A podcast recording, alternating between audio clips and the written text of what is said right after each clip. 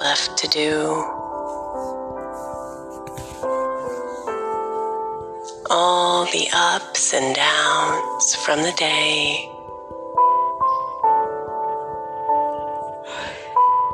And all the thoughts about tomorrow.